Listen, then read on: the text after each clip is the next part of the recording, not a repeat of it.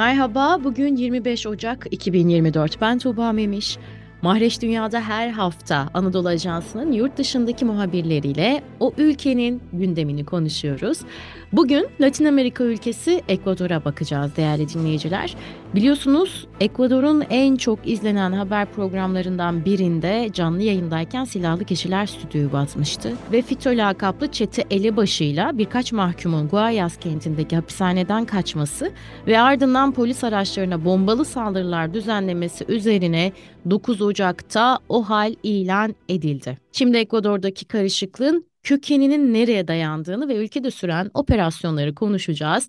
Anadolu Ajansı Kolombiya muhabiri Sinan Doğan bizlerle. Sinan merhaba. Hoş bulduk Tuba Hanım. Şimdi uzun zamandır çete kriziyle mücadele ediyor Ekvador. 9 Ocak'ta da o hal ilan edildi dedik. Sorunun derinine inelim. Neler oluyor Ekvador'da? Bu karışıklığın sebebi ne? Tabii ki.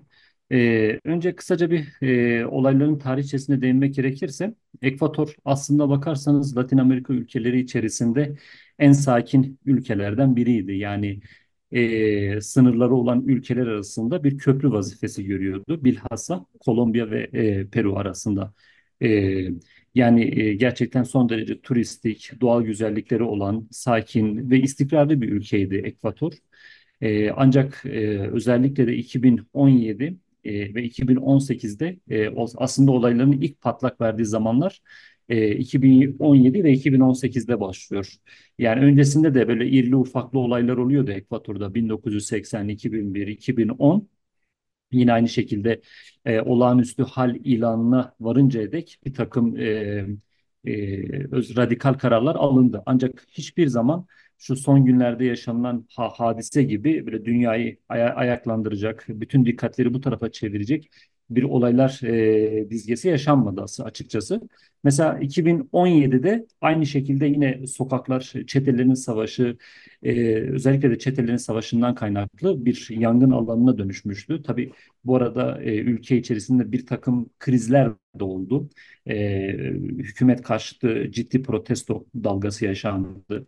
E, özellikle de akaryakıt sübvansiyonlarının kaldırılması ve Ekvator'da e, siyasi anlamda bir istikrarın o tutulması zaman aldığı için e, çetelerde bu e, yani açıktan faydalandı doğrusunu söylemek gerekirse 2007 2017 2018'de de e, sokak olayları, hapishanedeki isyanlar ve olaylardan e, o dönemin hükümeti olağanüstü hal ilan etmişti.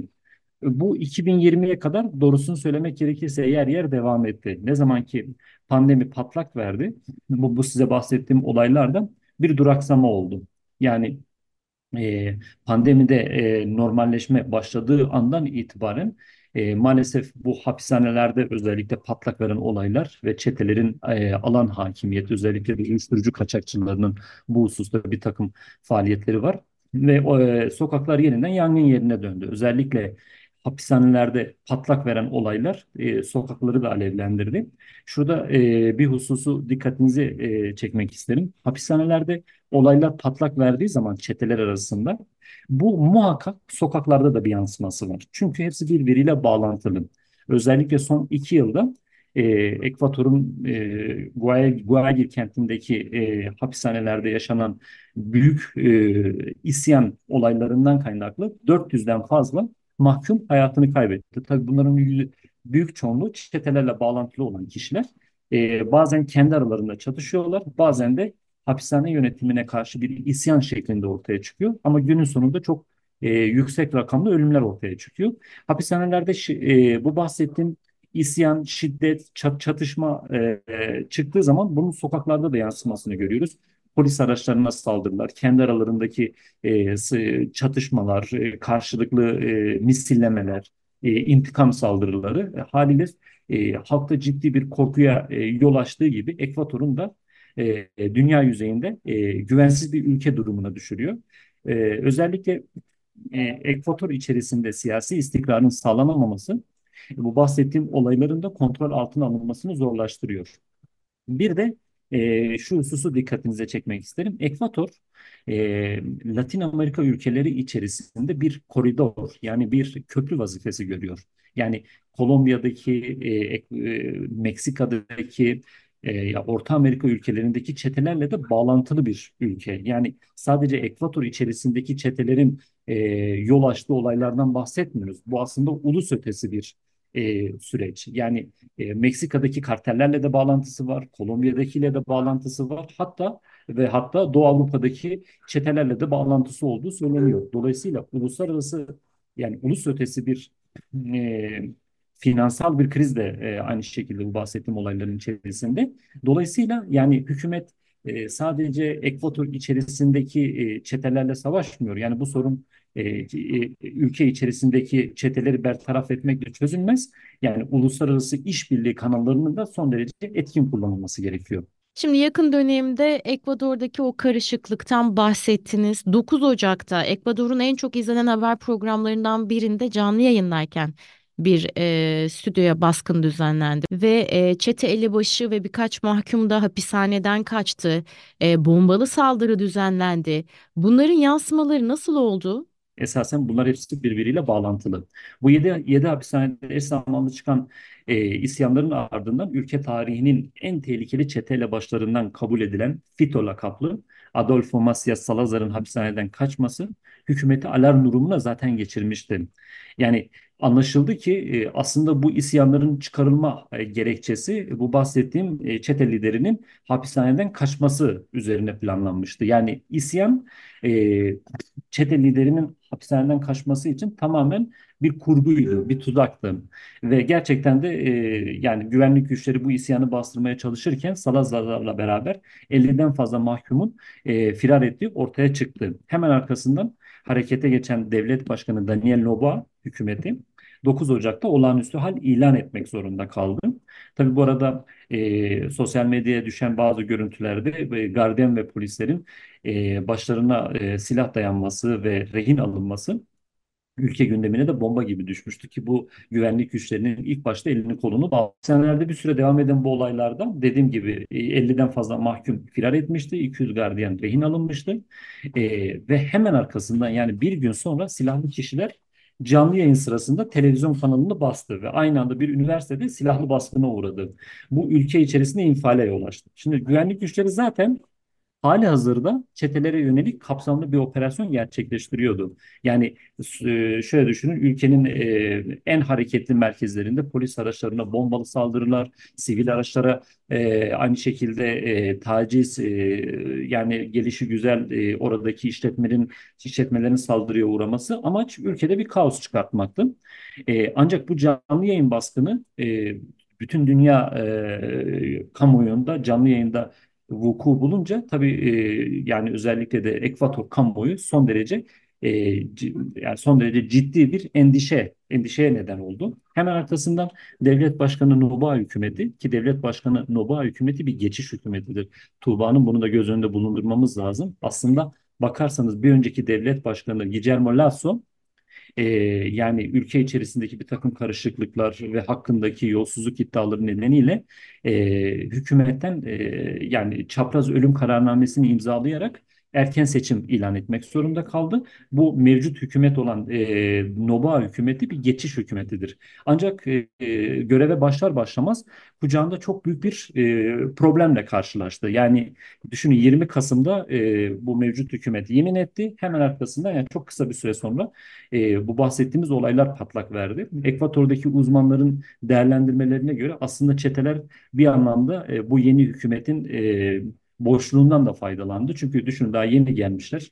E, ülke içerisinde sadece güvenlik krizi yok ki ekonomik kriz, çevresel kriz, e, yani bölgeler arasında yaşanan bir takım protestolar, hükümet karşıtı e, sokakların e, hareketlenmesi, hemen üzerine çetelerde bahsettiğim bu boşluğu kullanarak hapishanelerde büyük bir isyan patlak verdi ve çete liderinin hapishaneden firar etmesiyle beraber bu az önce size bahsettiğim olaylar yaşandı. Tabii e, devlet başkanı Noboa hemen askeri iç çatışma hali ilan etti. E, ve güvenlik güçlerine baş, başta e, asker olmak üzere tam yetki verdi.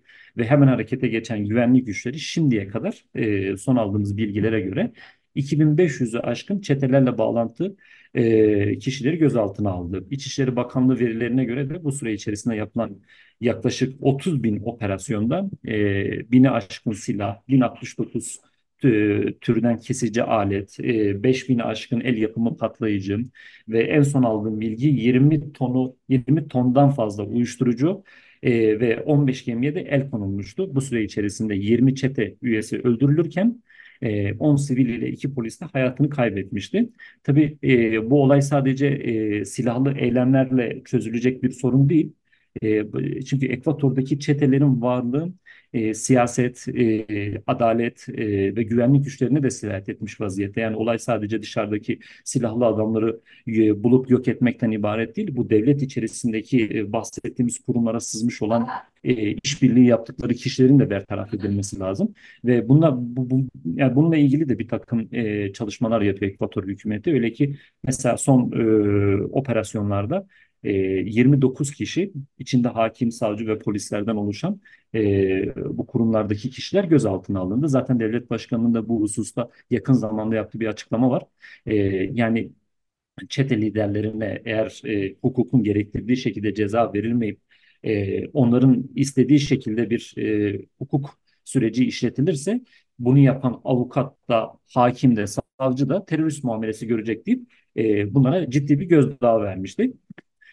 Şu anda ülkede Tuğba Hanım 22 tane organize suç örgütü var. Tabii bunlardan çok daha fazla ama en çok dikkat çeken yani e, bu size bahsettiğimiz istikrarsızlık, güvenlik krizi, çetelerin karşılıklı savaşları 22 organize suç örgütünün e, işte bunlar içerisinde Los Choro, e, Choneros var, Tigurenos var, Lobos, Lagartos bu bahsettiğim bu çeteler hükümet tarafından meşru hedef olarak ilan edildi. Yani artık bunlar e, terörist muamelesi görüyorlar.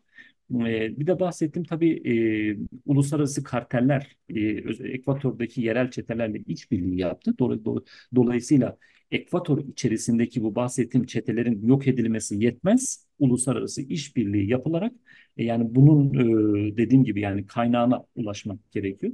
Bir de e, Ekvator Politikum Düşünce Kuruluşu Başkanı Doktor Andres Gonzalez'in çok önemli bir tespiti vardı. Yakın zamanda bize e, bir değerlendirmede bulundu. Yani diyor ki e, çete elebaşı diyor FITO yakalansa dahi ki bütün Ekvator e, bu çete elebaşının yakalanmasına odaklanmış vaziyette. E, en son e, ailesinin Arjantin'de olduğu tespit edildi. E, mesela e, onunla ilgili önemli bir tespiti var. Diyor ki e, FITO ele geçirilse dahi güvenlik krizi bu şekliyle çözüme ulaşamaz. Ee, çok güzel bir örnek verdi. Özellikle dünya tarihine geçmiş bir kişi. Ee, Kolombiya mesela 90'larda uyuşturucu baronu Pablo Escobar'ı önce yakaladı. Ondan sonra da etkisiz hale getirdi değil mi? Herkes zannetti ki e, güvenlik sağlandı, uyuşturucu e, piyasası son buldu ve artık ülke istikrara kavuştu.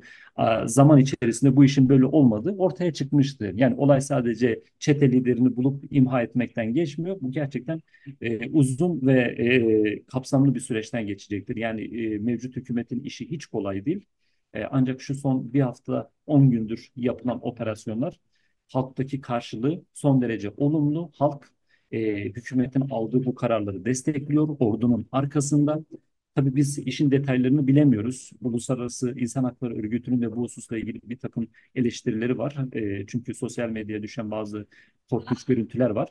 E, yani şu anda Ekvator'da görece e, sokaklar sakin, istikrar e, yani insanların sokak sokaklarda rahatça yürümesi, meydanlarda alışveriş merkezlerine gitmesi, ihtiyaçlarını sağlaması e, bir sorun görükmüyor. Ama güvenlik güçlerinin de sıkı bir operasyonu var. Şu anda ülke içerisinde olağanüstü hal kapsamında e, bu arada 23 gece 23 ile sabah 5 saatler arasında sokağa çıkma yasağı olduğunu da hatırlatalım. Yani şu anda Ekvator görece sakin ama operasyonlar da sıkı bir şekilde devam ediyor.